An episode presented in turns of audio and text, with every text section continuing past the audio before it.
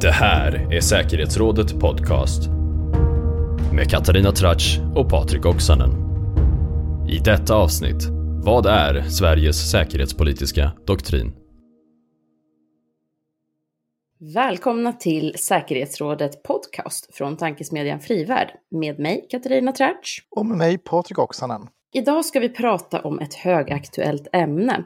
Eh, I dagarna släpper Frivärd en rapport om svensk säkerhetspolitisk doktrin och den är författad av tidigare försvarsminister Sten Tolgfors. Den här rapporten är ju högaktuell, ja dels för att säkerhetspolitisk doktrin alltid är högaktuell såklart, men kanske särskilt mycket eftersom det börjar bli dags för utrikesministern att lämna utrikesdeklarationen den 24 februari. Och vår gäst idag är ju då förstås Sten Tolfors. Välkommen till säkerhetsrådet Sten. Tack så hemskt mycket.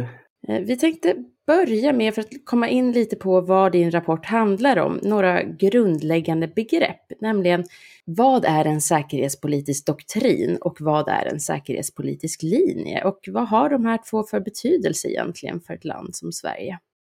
Det man kan säga är att eh, den säkerhetspolitiska doktrinen är ju kärnan i statens ansvar för landets säkerhet, befolkningens trygghet. Och den är ju sen också inriktande för säkerhets och försvarspolitiken. Och det är ju statens sätt att berätta, både för de egna medborgarna men också för andra länder, om hur man ser på sig själv, sin säkerhet och relationen till, till andra länder. Och hade vi haft det här samtalet eh, någon gång under 80-talet till exempel, så lovar jag att nästan varenda svensk hade kunnat berätta precis hur den, den eh, säkerhetspolitiska doktrinen löd. För den gamla då, under neutralitetspolitikens tidevarv, den satte sig ju så hårt. Militär alliansfrihet i fred syftande till neutralitet i krig. Att många faktiskt fortfarande idag tror eh, att det är det som gäller. Eh, men det har skett en väldig utveckling under de decennier som har gått. Men doktrinen, den säkerhetspolitiska linjen, är alltså ett fundament i svensk politik och i statens ansvar för vår säkerhet. Du nämner ju här 80-talet och, och de där orden som åtminstone då hade en, en, eh, var stora nog för att vara medvetna om, om samhällsdebatten på 80-talet nog kan som ett rinnande vatten. Eh, men om vi målar lite brett med penseldragen genom historien, hur, hur har Sverige hanterat just det här med säkerhetspolitisk doktrin och, och, och, eh, och förhålla sig till omvärlden? Om man, om man går tillbaka till, till 80-talet så var det så att säga ett fundament i, i, i politiken som satt väldigt djupt. Sen föll muren och eh, Europa stod inför ett antal väldigt turbulenta men positiva år. Så att det gamla föll, det nya skulle byggas och i takt med det så inledde Sverige en omvandling av den säkerhetspolitiska doktrinen, den säkerhetspolitiska linjen. Och genom mycket medvetna förändringar över 20 år 1992, 2002, 2009 så gick Sverige från att vara ett land som hade som officiell linje att vi stod ensamma. Vi stod utanför, vid sidan av, mitt emellan och byggde säkerhet separerat från andra länder. För det var ju kalla krigets officiella linje. Till att vara ett land som tvärtom bygger säkerhet solidariskt tillsammans med andra länder. Och det har ju då dels manifesterats när vi eh, är en del av EUs fördrag med de solidaritetsklausuler som finns där men också genom den svenska, den egenbeslutade solidaritetsförklaringen. Så vi har alltså gjort en mycket medveten, strukturerad omvandling över ett par decennier där vi omvandlat så att säga, Sveriges relation till omvärlden och hur vi ser på och bygger vår egen säkerhet. Vi ska återkomma lite till det här, till vilken bild av Sverige som egentligen har satt sig. Jag tycker man ofta stöter på när man träffar eh, människor från andra länder fortfarande uppfattningen att Sverige är neutralt. Men, men vi återkommer till det och, och går tillbaka lite till din rapport. Den fokuserar ju framförallt på, på vår tid och med vår tid så menar jag tiden efter kalla kriget. Eh, du tar avstamp från Sovjetunionens kollaps och eh, hur den säkerhetspolitiska linjen har förändrats sedan dess. Kan du berätta lite kort vad, vad hände under 90 och 00-talet egentligen? Ja, det första var 1992.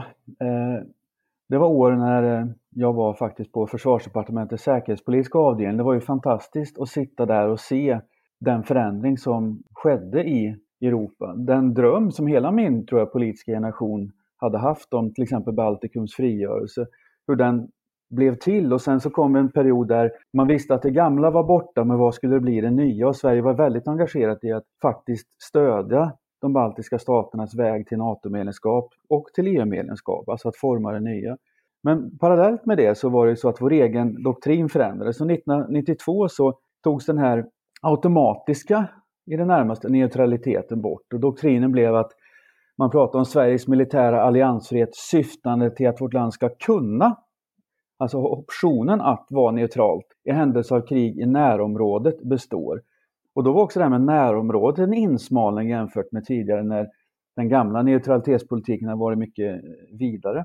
Tio år senare så kom eh, under Anna Linds tid en ny beskrivning som sa bara att Sverige är militärt alliansfritt, alltså vi bara konstaterar att så är det. Det fanns ingen värdering kopplad och den gavs inget syfte vad den skulle leda till i händelse av, av, av krig. Utan man sa sen bara att denna säkerhetspolitiska linje med möjlighet till neutralitet vid konflikter i närområdet har tjänat oss väl. Alltså en tillbakablickande syn på det här redan 2002, för nästan 20 år sedan då, eller 19 år sedan. Och sen följde ett antal år eh, under 2000-talet när i alla fall jag personligen var med med en, en, en tanke, en fråga.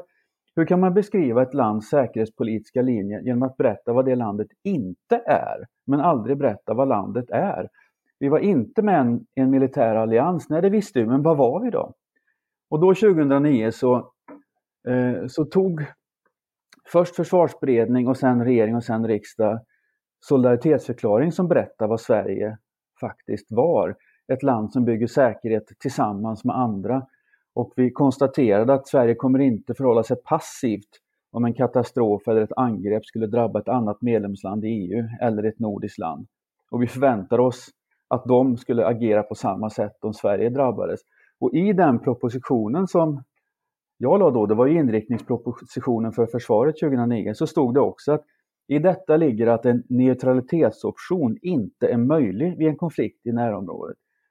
Eh, och det tror jag man har missat många gånger sedan dess, att neutraliteten uteslöts som option 2009.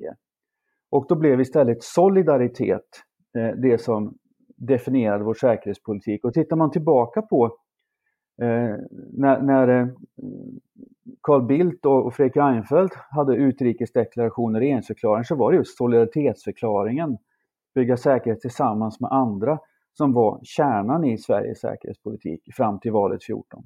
Och i valet 14 så blev Stefan Löfven statsminister och sen har det ju följt eh, några regeringar eh, med Stefan Löfven och två olika utrikesministrar, Margot Wallström och Ann Linde. Och då har det blivit vad vi kanske kan kalla för lite mer hockey med formuleringarna och ett halvdussin ändringar. V vad har hänt sedan 2014 egentligen? Det har varit en mycket rörlig tid i hur man har själv valt att beskriva eh, Sveriges säkerhetspolitiska linje. Och paradoxen är att man har alltså använt eh, ett halvt dussin olika, eh, ibland med små skillnader, ibland med stora faktiskt, eh, formuleringar av den säkerhetspolitiska linjen. Samtidigt som man hela tiden har sagt att den säkerhetspolitiska linjen ligger fast. Och det leder ju då till frågan, varför ändrar man då beskrivningen om allting ligger fast? Och jag har gått igenom varje sådant dokument för att se hur stora skillnaderna har varit. Man kan säga att det funnits två stora perioder av rörlighet. Den första var det första året efter eh, den nya regeringens bildande 2014 och det andra är faktiskt nu, men vi kan återkomma till den senare delen. Ibland har man haft ett avståndstagande från NATO-medlemskap med. Sverige ska inte gå med i NATO. Ibland har det inte varit med. Och det leder till frågor, om man tar bort ett avståndstagande, hur ska omvärlden tänk, tänka kring det? Hur ska de tolka det? Först säger vi att vi ska inte gå med i NATO, sen tar vi bort den formuleringen, men vi förklarar inte vad vi menar. Eh, för det hör också till pjäsen att när vi har gjort förändringar i den säkerhetspolitiska linjen tidigare så har det antingen funnits beredningsunderlag, till exempel från försvarsberedningen eller särskilda partisamtal som har grundat den nya linjen och sen har man redovisat för riksdagen i en inriktningsproposition för försvaret eller i en utrikesdeklaration vad resultatet har blivit och också då kunna svara på frågor och förklara. Varför gör vi förändringen? Vad betyder den? Men det har vi inte haft eh, de senare åren. Ibland, men inte alltid, har solidaritetsförklaringen varit med. Ibland har beskrivningen varit bara konstaterande, deskriptiv. Sverige är inte med i någon militär allians eh, och inte haft någon värdering kopplad till det, inget syfte kopplat till det. Men ibland har den varit normativ. Och som man försett den militära alliansfriheten med syften som att den ger grund för ett aktivt ansvarstagande för såväl vår egen som andras säkerhet, eller att den tjänar oss väl och bidrar till stabilitet och säkerhet i norra Europa. Men inte berättat hur och på vilket sätt man menar att så, så är fallet. Men det som hände då eh, 2014, det blev väldigt turbulent, för i den första regeringsförklaringen på hösten 2014 så, så sa regeringen att den svenska militära alliansfriheten tjänar alltjämt vårt land väl. Och då ska vi minnas att den formuleringen fanns 2002, men då var den bakåtblickande. Har tjänat oss väl, men nu säger man att 12 år senare så är det nu den tjänar oss väl. Den skapar en god grund för aktivt ansvarstagande för egen och andras säkerhet och Sverige ska inte söka medlemskap i NATO. Några månader senare i utrikesdeklarationen så sa man istället bara Sverige är inte med i någon militär allians. Punkt. Och det andra var borta. Alltså bara ett konstaterande. Jag tänker att vi, vi ska komma in på det lite, lite igen och framförallt i din rapport så står ju alla de här ändringarna listade. Eh, men innan vi liksom fördjupar oss i dem i detalj, vad, vad tror du syftet med de här olika ändringarna har varit? Eller har det funnits något syfte överhuvudtaget? Traditionen, den svenska traditionen är att en regering har använt samma formulering under en mycket lång period. Alltså en säkerhetspolitisk doktrin, en, en, en beskrivning av den säkerhetspolitiska linjen som, som det heter, eh, gäller intill dess att nästa är formulerad. Och då har det som sagt funnits först särskilda processer för att få detta på plats. Partisamtal som Anna Lind hade eller försvarsberedningen som har, som har överlagt. Och sen en redovisning för riksdagen, en förklaring. Varför gör vi förändringen? Vad betyder den? Men det som verkar ha hänt nu är att man, bara man säger att den säkerhetspolitiska linjen ligger fast så kan man berätta om den på helt olika sätt. Men själva poängen är att eh, det jag tror regeringen menar är att den militära alliansfriheten, det är den säkerhetspolitiska linjen. Eh, något slags materiellt innehåll eh, i den säkerhetspolitiska linjen skulle då vara eh, den militära alliansfriheten, även om faktiskt riksdagen har sagt att det är den solidariska säkerhetspolitiken som är grunden, inte den militära alliansfriheten. Men nästa led är hur man beskriver det, vilket sammanhang man sätter i. Det betyder en sak om man säger att Sverige är militärt alliansfritt och ska inte gå med i NATO. Eller om man säger att Sverige är militärt alliansfritt, men det är den solidariska säkerhetspolitiken som är grunden för vår försvars och säkerhetspolitik. Mm. Har det märkts av några reaktioner på det här från utlandet eller medialt på, på att linjen har så att säga porträtterats och uttryckts olika? Ja, jag, jag kan berätta att 2009 när vi då beslutade solidaritetsförklaringen så tillbringade jag rätt mycket tid att både på nordiska försvarsministermöten och bilaterala möten och multilaterala möten berätta om förändringen. För jag ville att den skulle ses och noteras eh, i andra länder hos, hos kollegorna. Eh, och på samma sätt i Sverige, för min, min teori är att vi egentligen fortfarande inte haft den diskussion om säkerhetspolitiken som, har, som visar vilken förändring det varit sedan 80-talet. Men om man inte gör det, eh, då sprider det osäkerhet. Och jag tyckte att utrikesministern illustrerade det ganska bra, eh, bara att hon gjorde med ett annat exempel. Hon, hon, hon sa på Folk och Försvar alldeles nyligen att hon fick frågor från andra länder om, om den svenska linjens hållbarhet på grund av den NATO-option som en riksdagsmajoritet då hade sagt att man ville ha. Och det visar ju egentligen att den säkerhetspolitiska doktrinen, beskrivningen av den säkerhetspolitiska linjen, noteras i andra länder.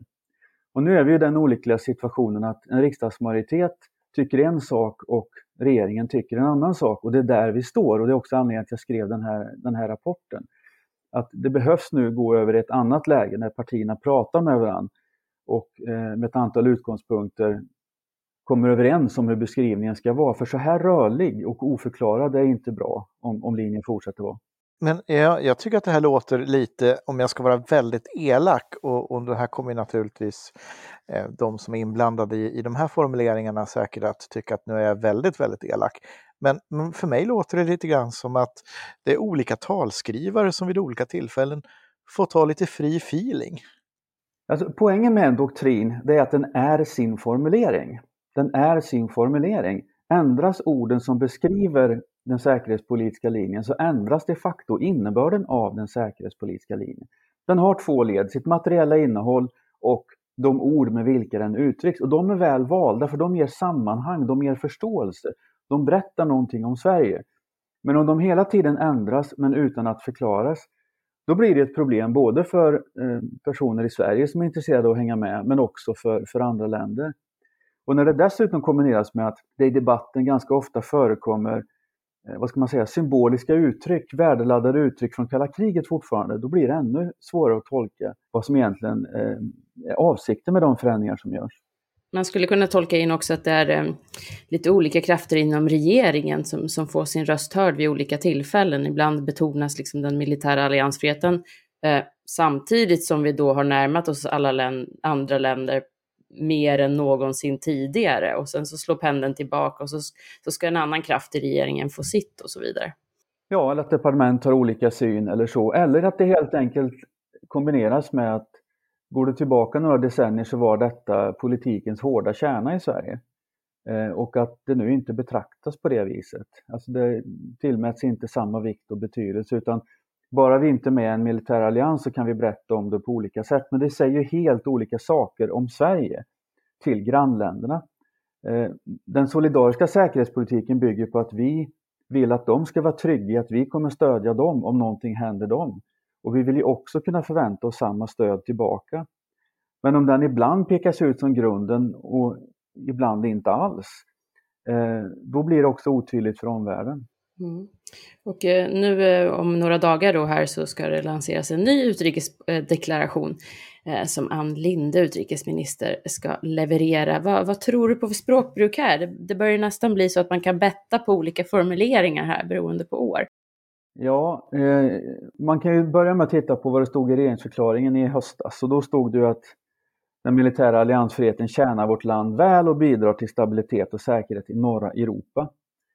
Jag vet ju sedan min tid att det var, eh, och jag tror att Patrik också har hört, ett antal länder i norra Europa som tvärtom tyckte det vore bra om Sverige gick med i NATO. Och som inte kanske skulle dela den här utpekningen att, att vår alliansfrihet är det som skapar säkerhet. Eh, men det som hände i höstas var jätteintressant för sen lades ju då eh, inriktningspropositionen för försvaret, totalförsvarspropositionen. Och, där, och den är ju beslutad av regeringen.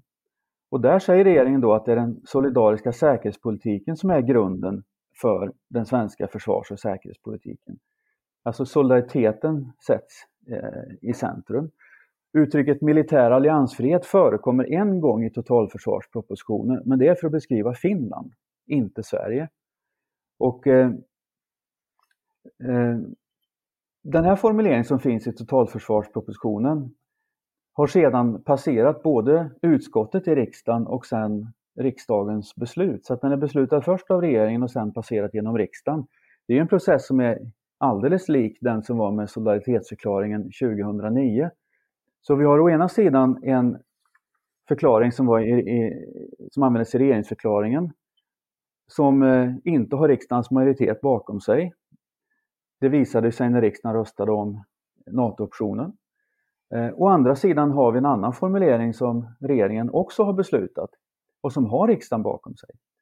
Och eh, jag såg en interpellationsdebatt kring det där som var i höstas och då igen fördes argumentationen att, att eh, ja, men den säkerhetspolitiska linjen ligger ju fast, står det i totalförsvarspropositionen, och den är ju att vi är militärt alliansfria, alltså det är ingen skillnad. Men det är skillnad. Antingen säger man att den militära alliansfriheten är grunden och att den i sig har ett antal syften eh, och konsekvenser att bygga säkerhet i norra Europa och såna här saker. Eller så säger man som det står i propositionen att det är den solidariska säkerhetspolitiken som är grunden för försvars och säkerhetspolitiken grunden för försvars och säkerhetspolitiken. Det går så att säga inte att komma undan den formuleringen. Det är två olika eh, formuleringar just nu av den säkerhetspolitiska doktrinen och bara det visar att man behöver prata mellan partierna. Och det lär de ju inte ha hunnit göra till utrikesdeklarationen så att då kanske vi ska gissa oss till att Linde kommer att säga att den alliansfriheten tjänar oss väl och, och så vidare och så vidare och ligger fast kanske. Men eh, om vi tittar lite längre framåt då, för att vi, vi tror ju kanske inte att de har löst det här i, i, dagarna, men, men det är ju ganska lång tid kvar till nästa val fortfarande. Hur tycker du att Stefan Löfven och Ann Linde ska hantera det här? Eh, jag menar, det är ju osäkerheten har du pekat på. Eh, riksdagsmajoritet som vill ha en NATO-option. Sen ska vi tillägga då att det finns ju inte en riksdagsmajoritet för ett NATO-medlemskap därför att det femte parti som vill ha NATO-optionen vill egentligen ha en annan militär allians. Men det gör ju också att det finns ju ingen riksdagsmajoritet för eh, militär alliansfrihet heller. Eh, så, så hur ska regeringen hantera det här? Det där är en väldigt bra poäng. Jag, jag, tror att man kan säga att ingen av de förändringar som gjorts sedan 2014 har haft en konstaterad riksdagsmajoritet bakom sig. Ingen av dem har byggt på försvarsberedningen. Ingen av dem har byggt på särskilda partisamtal och ingen har heller förklarats. Eh, dock är det en annan sak, alltså en regering kan möjligen leva med att man inte har en konstaterad majoritet bakom sin linje.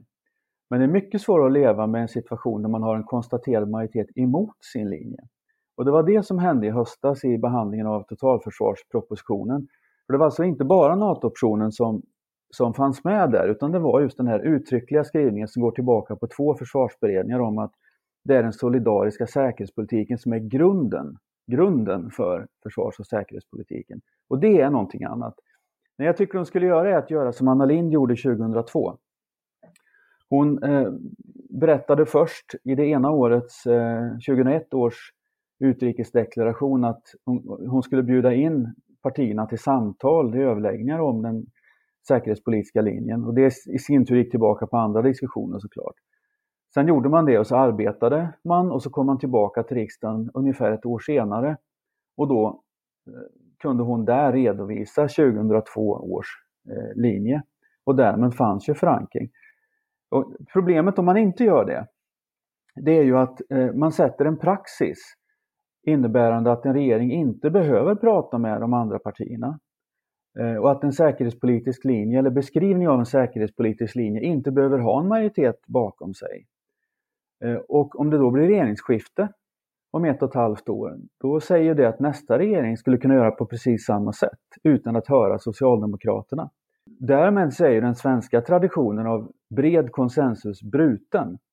Och jag tror inte att det är varken i landets eller Socialdemokraternas intresse att de skulle hamna utanför eh, ansvaret för den säkerhetspolitiska linjen. Och det är inte i, eh, vad heter det, de forna allianspartiernas intresse heller att hamna utanför ansvaret för beskrivningen av den säkerhetspolitiska linjen. Så att man behöver komma samman. Eh, sen kommer det finnas frågor man inte löser ut, men man behöver prata. Mm. Vad, vad, tror du utsikterna är då för den här typen av partiöverskridande säkerhetspolitiska samtal och, och vad skulle de i så fall fokusera på i det läge vi befinner oss i nu? Ja, det finns några uppenbara saker. Det första är att eh, regeringen, eh, försvarsberedningen, utskottet och sen riksdagen, eftersom det blev voteringar i riksdagen, har konstaterat att det är den solidariska säkerhetspolitiken, inte den militära alliansfriheten, som är grunden för försvars och säkerhetspolitiken. Det får ju vara en ingång i, i samtalen och alla partier har ju accepterat solidaritetsförklaringen så att där kan man hitta, hitta en grund. Eh, NATO-optionen kommer säkert flera partier vilja diskutera. Jag tycker också att man borde kunna titta på hur man uttrycker eh, stödet för bilaterala försvarssamarbeten eh, och för gemensam försvarsplanering. För det är också en intressant sak att under kalla kriget var gemensam försvarsplanering själva definitionen av det vi inte kunde göra för att bevara alliansfrihetens trovärdighet. Nu gör vi det och säger fortsatt att vi är militärt alliansfria. Och sen en sista sak, eh, Storbritannien och solidaritetsförklaringen. Men åtminstone de sakerna borde man ha med. Och nu Sten, håller ju våran halvtimme på att rinna iväg ganska fort, men jag tänkte, har du någon kompromiss i bakfickan? En, en formulering som du tror kan hålla även vid regeringsskifte, som kan samla den här breda riksdagsmajoriteten bakom sig så att, så att ehm, eh, det håller i alla fall ett antal år framåt i tiden? Ja, jag, jag tror att man skulle kunna utgå från eh, den formulering som finns i totalförsvarspropositionen av den enkla anledningen att man går tillbaka på två stycken försvarsberedningar där ju partierna har förhandlat med varandra. Sen kommer flera partier då till detta vilja lägga NATO-optionen. Eh, och det får man väl diskutera och se var man landar i. Det finns en majoritet i riksdagen konstaterad eh, för den nu. Och sen tror jag att det vore bra att, att eh, ytterligare stärka bilaterala försvarssamarbeten eh, i, i den formulering man kommer fram till. Det kommer säkert finnas saker som hamnar utanför man kommer tycka olika om NATO-medlemskap. Man kommer kanske tycka olika om fördjupning av EUs försvarssamarbete och några andra saker också. Men poängen är att i sådana här frågor så har processen sitt eget värde. Att ändringar bör ske bara efter samråd mellan regeringen och övriga partier oavsett regering och så har det alltid varit innan. Eh, oavsett vad utrikes försvarsministrar har hetat så har det varit så. De ändringar som görs, de, de bör vara brett förankrade och de bör förklaras. Man bör kunna berätta varför man gör en förändring, vad betyder den? Eh, de bör ha viss varaktighet. Man kan inte ta en, en, enas om en beskrivning av den säkerhetspolitiska linjen och sen börja ändra igen efter ett halvår eller ett år, utan det bör ha viss varaktighet för att vara tydlig mot, mot eh, omvärlden. Sen är det också jättebra om man har underlag att redovisa så att den som vill, Eh, till exempel frivärd eller de som är intresserade i allmänhet eller andra länder kan titta hur har resonemangen gått. Och uppfyller man de här punkterna om processen, då tror jag man kommer en bra bit redan där. Och det är problemet nu. Man är oense i sak och man är oense i process. Och vi har en konstaterad situation, därför att riksdagen har röstat om det, där den linje som regeringen hittills, det kan ju ändras nästa vecka, har använt, eh, har ett manifesterat, en manifesterad majoritet emot sig. Och det är problematiskt och har mig veteligen inte hänt tidigare. Vi får se vad utrikesministern säger när hon levererar utrikesdeklarationen och om man fortsätter att vara konsekvent i sin inkonsekvens eller om man väljer någonting annat. Eh, vi vill tacka dig Sten Tolgfors för att du har varit med oss och poddat här idag. Vi vill också passa på att tipsa om Stens rapport om just detta som vi har pratat om som eh, inom kort kommer att ges ut på Frivärd. Tack så mycket. Och du har lyssnat på en podd från Frivärd med Patrik Oksanen, det är jag, Katarina Tratsch, hörde ni alldeles nyss. Och podden den finns ju där poddar finns. Glöm inte att prenumerera så att du inte missar ett nytt avsnitt. Och rösten i inledningen, den tillhör Dino Ekdahl som också har gjort bearbetningen. Tack för att ni har lyssnat. Sverige är värt att försvara. Motståndet upphör aldrig. Och det gäller ju oavsett hur vi formulerat vår säkerhetspolitiska doktrin.